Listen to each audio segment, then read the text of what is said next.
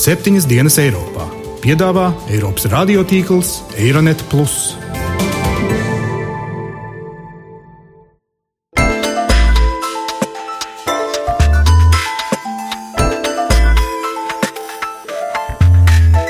Šonadēļ septiņas dienas Eiropā dzirdēsim. Kopumā ņemot politikai, protams, ir divi virzieni. Ārkārtīgi svarīgs dialogs ar Krieviju. Tie dati tiešām parāda ļoti drūmu situāciju. To ir eh, iespējams kvantificēt.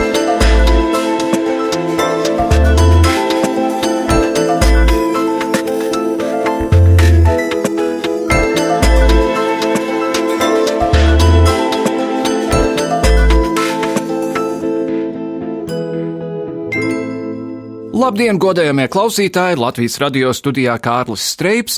Klāt jauns septiņas dienas Eiropā. Raidījums, kur pētām Eiropas un pasaules notikumus un kā tie ietekmē mūs tepat Latvijā. Pēc trīs dienu kritumu jēlnaftas cena pirmo reizi četros gados nokritusies zem 80 dolāriem par barelu. Naftas cena kopš jūnija ir kritusies jau par 30%.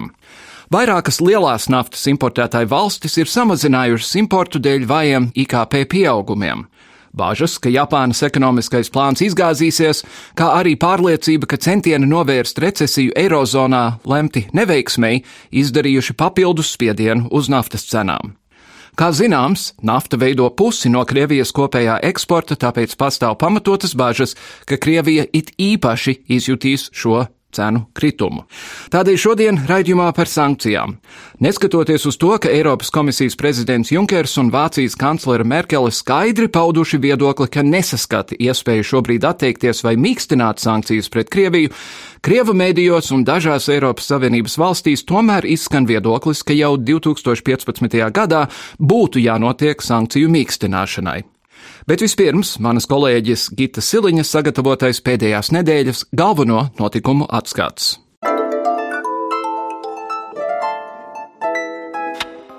Ķīnas galvaspilsēta Pekina aizvadītajā nedēļā iegāja pasaules vēsturē ar vairākiem būtiskiem lēmumiem, kas pieņemti Āzijas un Klusā okeāna ekonomiskā sadarbības organizācijas līderu sanāksmē. Valstu vadītāji atbalstīja Ķīnas ierosinājumu izveidot jaunu reģionālās brīvās tirdzniecības zonu, kas daudzuprāt konkurēs ar Amerikas Savienoto Valstu ekonomisko ietekmi, stāsta Ķīnas prezidents Xi Jinpings. 将为亚太经合组织合作 Vienošanās par brīvās tirdzniecības zonas izveidi tiks ierakstīta vēsturē. Tas reģionālo ekonomisko integrāciju pārceļ jau daudz augstākā līmenī. No šīs vienošanās iegūs abas klusā okeāna puses. Eksperti uzskata, ka brīvās tirdzniecības līgums tiek veidots kā pretspēks ASV paralēli plānotajam transatlantiskās partnerības līgumam, kurā ir iekļautas 12 valstis, izņemot Ķīnu. ASV prezidents Baraks Obama un viņa Ķīnas kolēģis apek sanāksmē paziņoja arī par abu valstu mērķiem klimata izmaiņu apkarošanā. Lai gan Sidņpins nenosauca konkrētus skaitļus, šī bija pirmā reize, kad pasaules lielākais piesārņotājs nosauca aptuvenu termiņu siltumnīca efekta gāzu izmešu pieauguma apturēšanai. Laikraksts New York Times uzskata, ka pašmāju politikā Obama ar klimata problēmu risināšanu iezīmē arī 16. gadā gaidāmās ASV prezidenta vēlēšanas. Laikraksts norāda, ka vēlētāji ir satraukti par klimata izmaiņām un vēlēšanās atbalstītu kandidātu, kas solītu ar šīm problēmām cīnīties. Eiropas Savienības tiesa aizvadītajā otrdienā noteica, ka pilsoņus, kuri pārceļas uz citu valsti tikai lai saņemtu pabalstus, turpmāk varēs izslēgt no sociālo pabalstu schēmas. Tiesa noteica, ka ja citas Eiropas Savienības valsts pilsonis uzņēmēja valstī paliek ilgāk par trim mēnešiem un viņam nav darba, viņam ir jābūt pietiekamiem līdzekļiem, lai nekļūtu par slogu tās valsts sociālās palīdzības sistēmai. Īpaši tā dēvētā sociālā pabalsta turisma lietai līdz sekoja Lielbritānijā, kur premjerministrs Deivids Kamerons ir solījis novembrī nākt klajā ar Lielbritānijas ieceri imigrācijas ierobežošanai. Izdevums Guardian norāda, ka, ja tiesā tiktu pieņemts pretējs lēmums, tas visdrīzāk aizsāktu debatas par Eiropas brīvās kustības noteikumu pārskatīšanu, un Briti būtu uzvarējuši. Taču ar to lēmumu, kuru tiesa pieņēma, tagad Britu aicinājums visdrīzāk Eiropā vairs skaļi nesadzirdēs.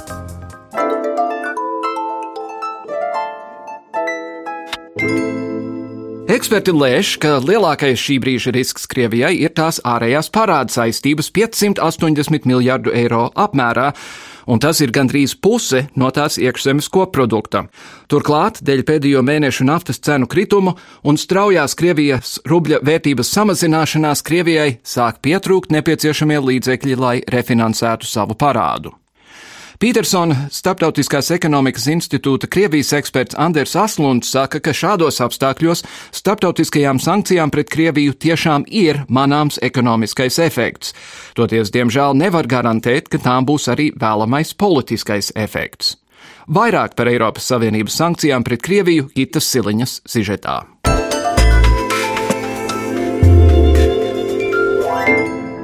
Eiropas Savienības sankcijas pret Krieviju, kas ieviestas reaģējot uz Maskavas agresiju pret Ukrainu, netiks atceltas. Novembra sākumā Briselē notikušajās sarunās bija vienojušies dalību valstu vēstnieki.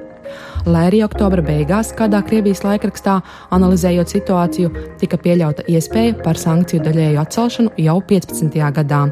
Laikraksts atsaucās uz anonīmiem avotiem Eiropas diplomātu aprindās. Sankciju ietekmi gan pret Krievijas, gan citu iesaistīto valstu ekonomiku turpina pārskatīt un iztirzāt mēdīji.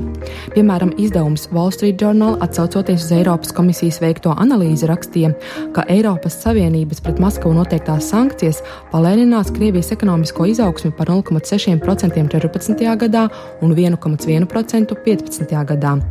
Savukārt Krievijas laikraksts Komersant oktobra beigās, analizējot tā brīža sankcijas pret Krieviju, kas vienbalsīgi tika pieņemtas Eiropas Savienības dalību valstu pastāvīgo pārstāvju komitejas sēdē 12. septembrī un tika noteiktas līdz 15. gada 15. martam, norādīja, ka, lai sankcijas paliktu spēkā arī pēc 15. marta, nepieciešams jauns komitejas lēmums - visu Eiropas Savienības dalību valstu piekrišana un te komersanti akcentēja, ka vienotu lēmumu panākt būšot gandrīz neiespējami, ja vien Ukrainā neatjaunosies kara darbība. Tostarp Krievijas laikraksts norādīja, ka atsevišķas Eiropas Savienības dalību valstis, arī pašlaik prezidējošā Itālija, ir izteikušas piesardzīgus aicinājumus mīkstināt pret Krieviju noteiktās sankcijas, kā argumentus nosaucot vairāk vai mazāk stabilo situāciju Ukrainā un sankciju radītos būtiskos zaudējumus to ekonomikām. Komersant nosauca valstis, kuras iespējams neatbalstīs pilna apjoma sankciju saglabāšanu. Tās varētu būt Austrija, Bulgārija, Grieķija, Itālija, Kipra, Luksemburga, Slovākija, Somija un Ungārija bet to, ka Eiropas Savienība neplāno plašas jaunas ekonomiskās sankcijas pret Krieviju, pagājušo nedēļu Berlīnē paziņoja Vācijas kanclere Angela Merkele. Tomēr viņa atzina, ka var tikt paplašināts startautiskajām sankcijām pakļauto individu lokus. Plašas ekonomiskās sankcijas šobrīd netiek plānotas. Prioritāte ir nodrošināt, lai Ukrainas austrumos tiktu ievērots pamiers. Būtiski pamiera vienošanās nosacījumi nav īstenoti. Par situāciju un procesiem attiecībā uz Krievijai noteiktajām sankcijām sanāksmē Briselē gatavi apspriesties Eiropas Savienības ārlietu ministri. Tā pagājušo otrdienu norādīja Eiropas Savienības augstā pārstāve ārlietās un drošības politikas jautājumos Federika Mogherini. Savu pozīciju augstā pārstāve pauda jau pirms pāris nedēļām preses konferencē, kad Mogherini nākamo iespējamo sankciju pārskatīšanu komentēja šķiet tā maigi lavierējot. Galvenajam diskusiju tematam vajadzētu būt par to, kas notiek Ukrainā, kas ir tas, kas palīdzētu mums rast konflikta risinājumu. Sankcijas var būt instruments, tas var būt efektīvs instruments, bet varbūt arī mazāk efektīvs instruments atkarībā no piemērotā laika izvēlēšanās un no vienotības ap šiem pasākumiem bet tam jāpaliek kā politiskam spiedienam, nevis pašmērķim. Pašmērķim ir jābūt krīzes risinājuma meklējumam. Bet par, piemēram, Somijas pozīciju jau paziņojis Somijas premjerministrs Aleksandrs Stups, norādot, ka Eiropas Savienībai ir noteikti jāpārskata iespēja pastiprināt sankcijas pret Krieviju, jo tas ir pats efektīvākais iedarbības veids pret šo valsti. Tā kādā no rīta programmām Somijas televīzijā pagājušajā nedēļā sacīja Stups. Premjerministrs raidījumā teicis, ka nauda ir labākais vidutājs miera noslēgšanā. Koska me teemme paljon työtä. Tā vienīgā metode, mīksta, bet vienlaikus arī stingra, kas mums ir jāizmanto. Mums jāatceras, ka šobrīd Krievijas ekonomika grimst, rublis pavainās, naftas cenas krītas un starptautiskie investori pamata Krieviju. Pēdējās dienās situācija Ukrainā atkal sāsinājusies, atsākušās sīvas kaujas. Drošības situācija Somijā radikāli nav mainījusies, bet situācija uz Ukrainas robežas noteikti ir satraucoša. Tikmēr, kā raksta aģentūra Reuters, Lielbritānijas premjerministrs Deivids Kamerons norādījis, ka arī Lielbritānija ir gatava sankcijas pret Krieviju pastiprināt, taču nevēlas jaunu augsto karu. Eiropas Savienības sankcijām pret Krieviju bija ietekme. Krievijas darbības rada nopietnas briesmas pārējai Eiropai. Nav vajadzīgs atgādināt, kādas sekas ir tad, kad citi izliekas neredzam to, kā lielās valstis Eiropā iekaust mazākas valstis. Bijušais PSRS prezidents Mihails Gorbačovs šajās dienās teica, ka mēs atrodamies uz jauna augstā kara sliekšņa. Nedomāju, ka to nevar novērst, un tas noteikti nav tas, ko mēs vēlamies. Tuvākajās dienās man būs iespēja to pateikt prezidentam Putinam. And I will make that clear to President Putin in Brisbane this weekend. Savukārt ASV Baltais nams novembra sākumā izplatīja paziņojumu, ka, ja Maskava turpmāk ignorēs vienošanās, ko tā apņēmās pildīt Minskā un turpinās destabilizēt situāciju Austrumukrainā, cena par šīm darbībām Krievijai tikai pieaugs. Ekonomisko sankciju rezultātā Krievijas kopējie zaudējumi var sasniegt pat 100 miljardus dolāru, bet Eiropas zaudējumi precīzi aprēķināti nav. Analītiķi lēš, ka arī tie, lai arī sadalīti uz vairākām valstīm, nav būtiski mazāki par Krievijas zaudējumiem.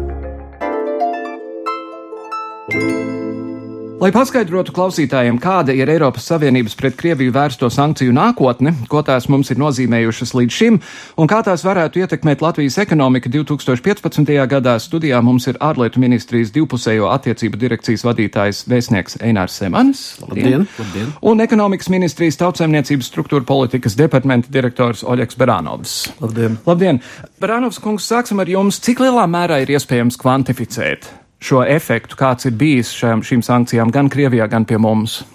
Jā, to ir eh, iespējams kvantificēt. Protams, ka tie cipari ar, ar laiku mainās, jo pienāk vairāk informācijas, bet nu, tas mūsu šī brīža vērtējums ir tāds, ka pašas sankcijas, tātad ietekme uz, uz Latviju, ir bijusi salīdzinoši neliela. Tātad pret uh, eksporta rēķinot tie 4,5%. Samazinājums. Jā, un mm -hmm. attiecība pret iekšzemes koproduktu 0,2%. Tā, tā, tas ir tiešais efekts. Ja mēs ņemam vērā arī netiešo efektu, tātad uh, arī tos, kas piegādā lauksaimniecības izēvielas produktu ražotājiem, transportu, tad tas kopumā dod šo negatīvo efektu 0,25%. Bet tas nav tikai šim gadam, tas ir gada griezumā. Tātad, ja viņas netiks pārtraukts, tad, tad uh, līdz nākamā gada augustam, tad, tad tas efekts ir 0,25% attiecībā pret IKP. Un ir iespējams, protams, ka attiecīgie uzņēmumi vienkārši tajā laikā pārorientēs savu darbību kaut kādā citā virzienā. Jā, jā tas ir iespējams, bet, protams, nu, tas nav viegli. Bet, eh, protams, vairāk mūs uztrauc tas, kas notiek pašā Krievijā, jo tur ļoti strauji krītas iekšzemes koprodukts, ekonomiskā situācija pasliktinās un pasliktinās arī mūsu eksporta iespējas. Un tas cipars, kā šī ietekme, protams, ir, ir lielāks.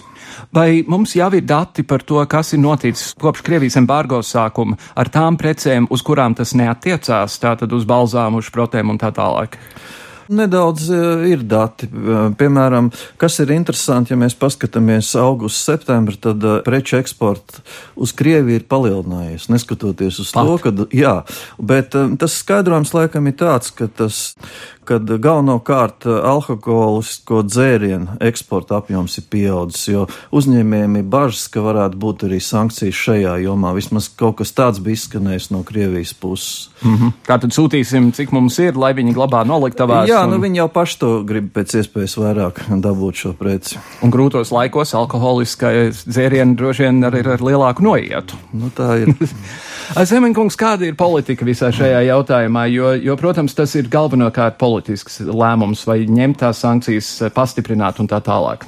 Jā, protams, ka eh, sankcijas ir viens no instrumentiem, kas ir dienas kārtībā, ja mēs runājam par šodienas attiecībām ar Krieviju. Bet kopumā ņemot politikai, protams, ir divi virzieni. No vienas puses ir šis spiediena ceļš, respektīvi sankcijas, no otras puses ir respektīvi arī cerība un diplomātiskā dialoga ceļš. Tātad tas vienmēr tiek zināmā mērā kombinēts. Ja mēs skatāmies uz patreizējo situāciju, kāda ir šobrīd, tad galvenais, ko es gribētu pateikt radio klausītājiem, ir tas, ka īstenībā patreizajā posmā Eiropas Savienības līmenī varētu tikt apspriesta iespēja jaunu pasākumu sagatavošanā pret Krieviju, tādējādi rēģējot uz šīs lielvalsts agresiju Ukrainā. To arī publiski ir pateicis mūsu ministrijas vadītājs, ārlietu ministrs Edgars Rinkēvičs, un arī to ir komentējis, un tā ir tā mūsu, varbūt līnija un mūsu satraukuma izpausme sakarā ar notikumiem, kas patreiz notiek eh, Ukrainā. Kā mēs zinām, tur ir vairākas svarīgas lietas, ko es varbūt visam īsti iezīmēšu. Pirmā lieta ir saistīta ar tām saucamajām vēlēšanām eh, Luhanskas un Doņetskas apgabalos 2. novembrī.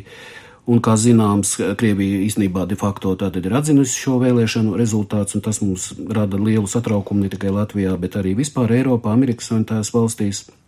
Otkārt, kas ir ārkārtīgi svarīgi arī ka Krievija īstenībā nepilda savas saistības Minskas vienošanās ietvaros. Īstenībā pat vēl vairāk turpina ievest militāro tehniku un personālu Ukraiņas teritorijā, tādējādi radot jaunas destabilizācijas draudus eh, austrumu Ukrainā. Pašā būtībā, ja mēs runājam par pašām sankcijām un prasām, kāda īstenībā ir tā efektivitāte, tai pašā laikā, protams, zinot, ka tas ir griež, kā saka, asmenis uz divām pusēm, ir arī reizē pašu no, sankciju iedibinātāja puse arī skar. Būtībā mūsu vērtējums ir tāds, ka ietekme ir šīm sankcijām, un tāds visīsākais formulējums varētu būt tā, ka šīs sankcijas ir atturējušas Krievijas pusi no vēl tālākas, teiksim, destruktīvas darbības, ja mēs runājam par, par Ukrainu. Vienīgais, ko es varētu pateikt, ka būtībā, cik mēs zinām un cik mēs varam publiski teikt, ka patreiz īstenībā nav runas par kaut kādām jaunām sankcijām pret Krieviju, bet drīzāk varētu būt saruna par to, par esošo mehānismu, kas patreiz ir sankcijām. Mm -hmm. Brānov kungs, daudz ir ticis runāts sakarā ar Krievijas embargo, ka viena liela problēma Latvijai būs, ka te tagad sāks gāzties iekšā Lietuvas piens, poļu āboli un tā tālāk, tāpēc, ka vairs nevarēs tirgot Krievijā, dempings būs pie mums, vai tas ir pierādījies, ka tā tas ir noticis? Pagaidām pārāk īstas periods bijis. Faktiski tās sankcijas tika ieviestas pretsankcijas, jeb Krievijas sankcijas tika ieviestas 7. augustā, un vēl augustā dati vēl parāda kaut kādu kustību. Bet septembrī ir nulle, un ja mēs paskatāmies, kā ar Lietuvu, tad, teiksim, piena produkti arī ir, ir samazinājušies uz Lietuvu. Tā kā to var redzēt, bet nu, tā pilna bilde būs, ka būs nedaudz vairāk tie statistikas uh, dati. Mm. Piemēram, es varu teikt, ļoti būtiski ir piens un piena produkti ietekmēti. Ja līdz tām sankcijām Tātad Latvija katru gadu eksportēja kaut kur ap 5 miljonu eiro katru mēnesi.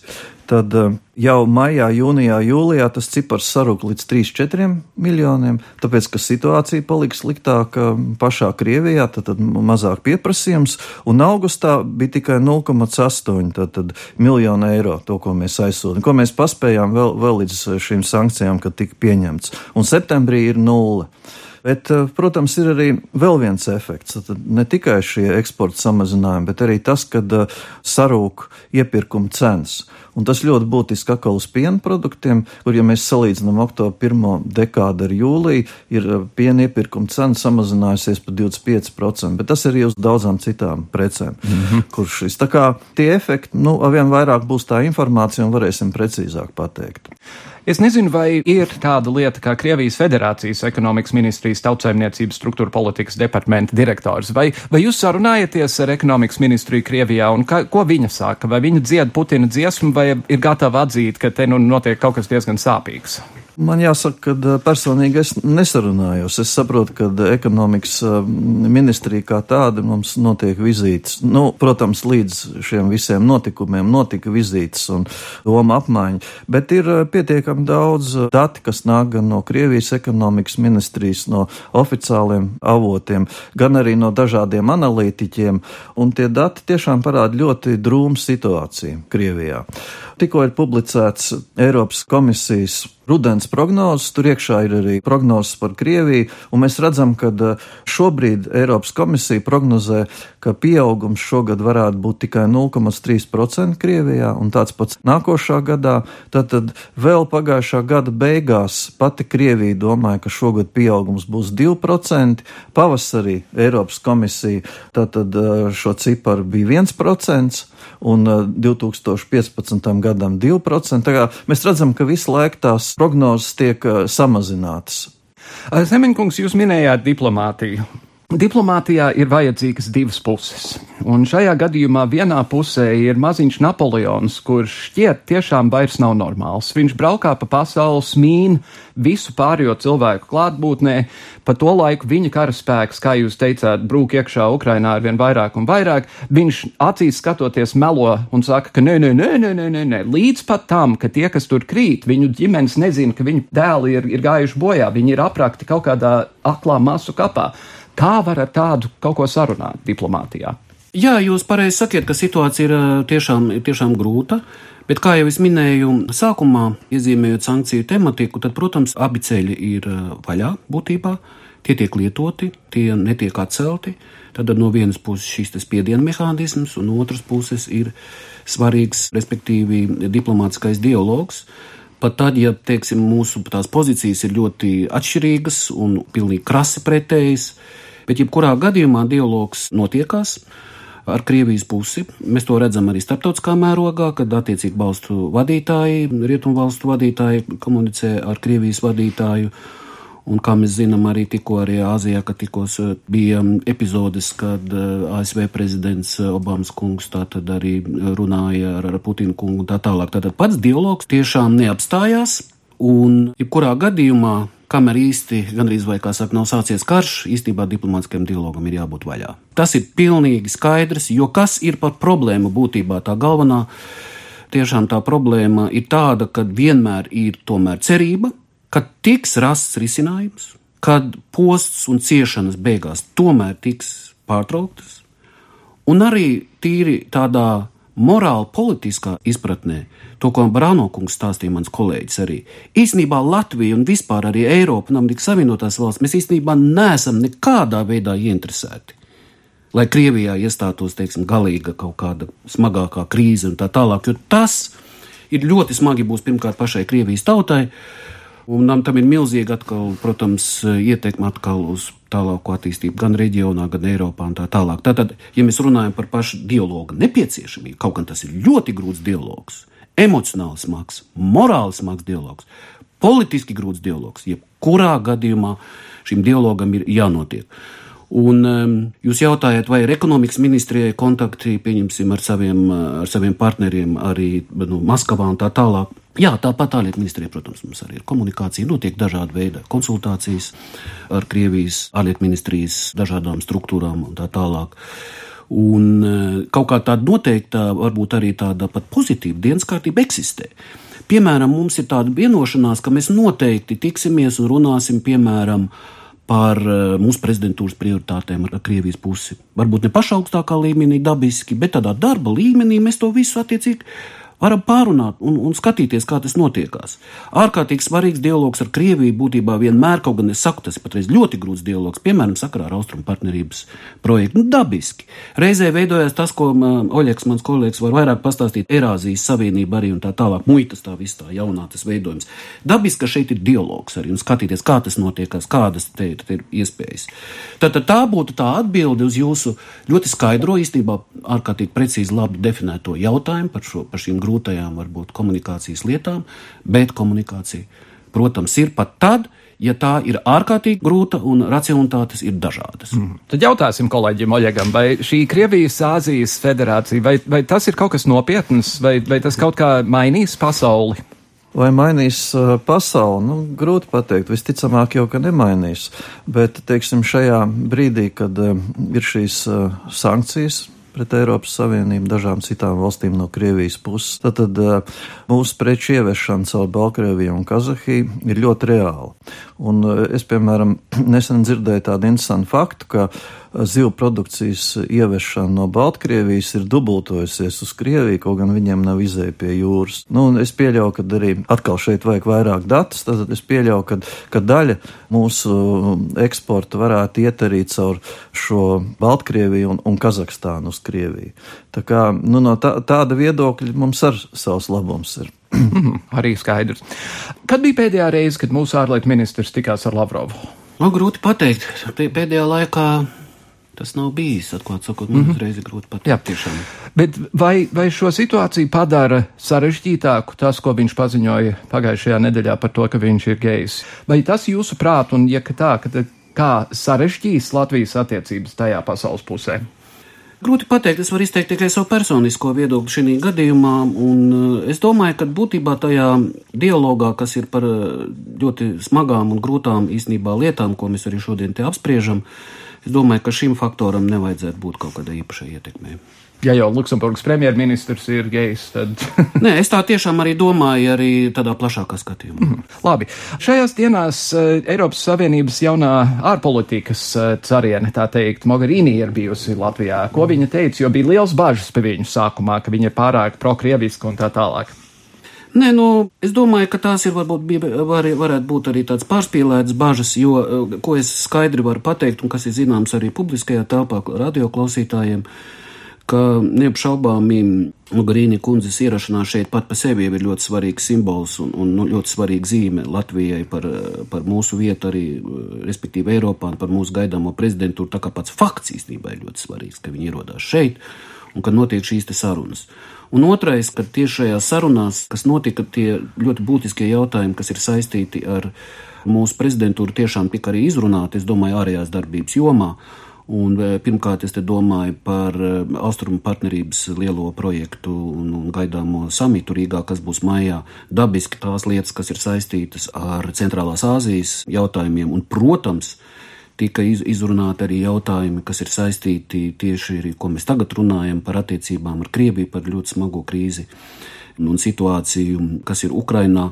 Tā kā šī gadījumā varbūt kaut kādas tādas eh, refleksijas, kas bija iepriekš, varbūt ko jūs minējāt par dažādām bažām un tā tālāk, protams, kad šī gadījumā tam īstenībā nebija tāda vieta šeit. Jo Itālijas Bet... ārlietu ministrija ir viena lieta, Eiropas komisijas ārpolitikas komisāri kaut kas cits. jūs izņemāt tiešām tādas būtiskas taisnības, gribat vēsījos. Dabiski, ka tā ir politika. Un dabiska politika ir dažādas lomas. Un dabiski, kad ja cilvēks nonāk augsta ranga, cilvēks nonāk Eiropas Savienībā, tad ir, kā to teikt, kustība identitātes, kā to teikt, maiņā zināmā mērā, kad parādās šī solidārā līnija. Nu, un varam lietot tādu efektīvu svešvārdu, jāpadomā, kāds būs latviešu, tā empātija jau īstenībā ir cita jau beigās. Mm, tā tas ir. Es lūkšu jums abiem paskatīties drusku kristāla bumbā, kā šī lieta varētu attīstīties tālāk. Brāno kungs no ekonomiskā viedokļa, ja šīs sankcijas ies un ies un ies un ies un ies, vai vienkārši visa pasaule tam pieradīs un kaut ko citu darīs, vai arī kļūs sliktāk un sliktāk un sliktāk un sliktāk? Es varētu runāt vienīgi tik daudz jau šobrīd tās sankcijas, kas ir, tad viņas arvien vairāk ietekmē pašu Krieviju. Es jau jums minēju dažus ciparus. Ja vēl nāks klāt, tad ir jāskatās, kas tās pa sankcijām. Jo līdz šim tomēr, kas bija no Eiropas Savienības puses un arī ASV puses, tās sankcijas bija tādas, lai mazāk ciestu vienkāršais uh, Krievijas iedzīvotājs vairāk vērsts uz to, lai ierobežotu tur apkārt Putinam stāvošos oligarkus un, un, nu, tā, tādā veidā. Un faktiski pati Krievija, uzliekot šīs pretsankcijas uz pārtiks produktiem, ir ļoti stingri sev iešāvuši kājās. Jo viena lieta ir tas, ka tur pazūd daudz produktu, bet mēs redzam, ka šausmīgi aug inflācija ļoti straujiem tempiem. Piemēram, šobrīd, oktobrī, Krievijā inflācija bija 8,5%, kas ir ļoti daudz, un tiek prognozēts, ka līdz gada beigām viņi būs 10%. Kaut gan sākumā, tātad, kad tika stādīts nu, arī budžets Krievijā, inflācija bija domāta, ka būs pat 5% mm -hmm. vai mhm. vēl zemāk. Vārds sakot, priecīgus Ziemassvētkus Krievijai. Un politiski pat labi jau nekas neliecina par to, ka Putins varētu kaut kādā brīdī apstāties. Ir grūti pateikt, ja mēs domājam par nākušo 2015. gadu, protams, situāciju prognozēt ir ārkārtīgi grūti. Patreiz mēs redzam, protams, ka notiek situācijas sāsināšanās un, un eskalācija, kas tiešām tādu lielu optimismu neraisa. Bet no otras puses pastāv arī reālais Eiropas Savienības process, respektīvi tās sankcijas, kas jau ir pieņemtas, tur ir noteikts cikls. Pieņemsim, ir jau paredzēta nākošā pārskatīšana, jo pirmā tā saucamā pirmā fāze tika pieņemta šī gada 6. martā un 15. martā. Tātad, paiet gadam, tad atgriežas pie šīm sankcijām. 6. martā bija saistīts ar pašiem notikumiem, kas bija Ukrainā, un tā tālāk ar dažādām destruktīvām darbībām pašu, pašā Ukrainas valstī, un otrais vilnis jau attiecīgi bija saistīts ar Krimas okupāciju un tā tālāk. Tātad ir arī zināms kalendārs, mm -hmm. kādā veidā visas vis šīs lietas notiekās. Bet kas ir jāpasvītro, protams, ka mēs patreiz tādu skaidru prognozi dot, kādā veidā situācija tālāk attīstīsies, mēs īstenībā nevaram tā. Un loģiski, ka tā. No ekonomikas ministrijas Oļegs Beranovs un ārlietu ministrijas Einārs Semans. Paldies jums abiem par sarunu! Dienu un priecīgus valsts svētkus. Paldies, Paldies jums arī visiem radioklausītājiem, arī, protams. Paldies! Dižais vācu rakstnieks un domātājs Johans Wolfgangs Gēte reiz rakstīja, ka daba ir vienīgā grāmata, kurai visas lapas ir liela satura pilnas. Mūsu septiņas dienas Eiropā dara bažīgus fakts, ka pēdējā laikā arvien biežāk kādu šīs dabas grāmatas lapusi nākas atšķirt tukšu. Eksiteras Universitāte Lielbritānijā nākusi klajā ar apjomīgu un satraucošu pētījumu par lauku putnu populācijas samazināšanos Eiropā pēdējo 30 gadu laikā. Šādu tendenci komentēt aicinājām Latvijas Universitātes bioloģijas fakultātes vadošo pētnieku Aināru Auniņu. Fakts, ka lauku putnu populācijas samazinās, būtībā nav nekas jauns. Tas jau ir zināms vairāk kā desmit gadus no iepriekšējiem pētījumiem, un uh, šī populācija samazināšanās ir konstatēta galvenokārt Rietumē Eiropā, un galvenais populācija kritums ir sākot no 70. gadu vidus, turpinoties līdz pat 90. gadiem. Un šajā laikā ir uh, tiešām ļoti nozīmīgas lauku putnu populācijas pazaudētas. Tas lielā mērā saistīts ar Eiropas Savienības, tolaik vēl eh, Eiropas Savienības priekštecis, eh, Eiropas ekonomiskās kopienas eh, īstenoto kopējo lauku politiku, kur akcents bija uz ražošanas intensifikāciju, kā rezultātā šī lauku vide ļoti daudzām putnu sugām kļuva neapdzīvojama, un tādēļ Rietuma Eiropas lauki piedzīvoja nu, tādu kā ekoloģisko katastrofu, izzūdot pat pašām parastākajām sugām, tā skaitā lauku cīrulim, bez kā mēs savu lauku ainavu šodien iedomāties pat eh, nevaram Latvijā. Un eh, šī populācija kritums ir tiešām galvenokārt noticis Rietuma Eiropā. Austruma Eiropa eh, gāja mazliet atšķirīgu ceļu, lai arī Austruma Eiropā pakāpeniski šajā laika periodā notika ražošanas intensifikācija, tā nebija tik strauja kā Rietuma Eiropā, un tur šis intensifikācijas līmenis ievērojami atpalika un līdz ar to lauku putnu populācijas tik daudz neciet. Jāpatur prātā gan ir tas, ka no Austrum Eiropas ir ļoti maz šādu standartizētu ievāktu datu, kā ir par Rietumu Eiropu, un eh, līdz ar to šis te laika periods nav īsti labi atspoguļots, ir tikai nu, tādas kā netiešas liecības par sugu sastopamību. Kas attiecās uz eh, Latviju, tad mums tomēr tā gaita ir bijusi nedaudz savādāk. Mums ir ļoti ievērojams pārmaiņas bija saistīts ar neatkarības atgūšanu, ar ekonomiskās sistēmas maiņu, kad, kad eh, lauksaimnieciskā ražošana piedzīvoja panīkumu, un šajā laikā ļoti daudz lauksaimniecības zemes tika pamestas, un uh, tam bija divējāds efekts. Bija daļa sugu, kas no tā ieguva, bija daļa sugu, kas no tā cieta.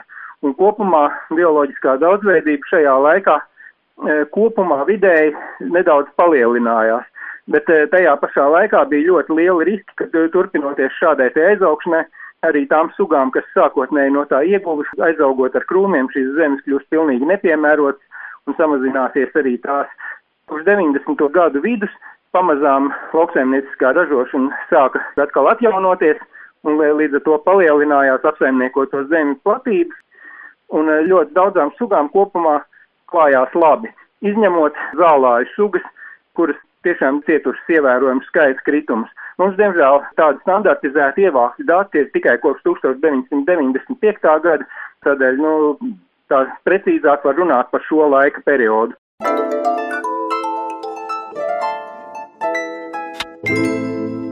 Ar to arī izskan mūsu raidījums šo nedēļu, dāmas un kungi, ar visām problēmām, kas ir pat labi ar Krieviju, ar embargo, arī ar dabas aizsardzību. Mums ir visiem jābūt pateicīgiem par to, kas mūsu valstī notika pirms 96 gadiem. Daudzas no valstīm, kas tajā laikā nodibināja neatkarību mūsu reģionā, tūlīt to arī zaudēja Baltkrievija, Ukraina, Kaukāza valstis. Mūsu valsts noturējās neatkarīga 22 gadus, pēc tam bija okupācija, tagad atkal esam brīvi. Paldies visiem tiem, kuri 1918. gadā bija pietiekami drosmīgi, lai nodibinātu Latvijas republiku. Jums visiem brīnišķīgus valsts svētkus līdz nākamajai nedēļai visu labu!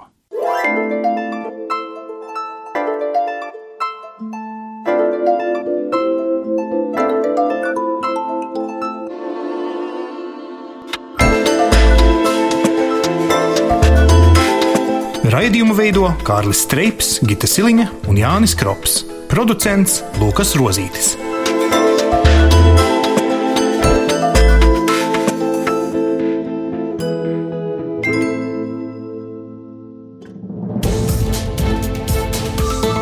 Visus Eironet plus sižetus un raidījumus meklējiet Latvijas radio mājaslapā.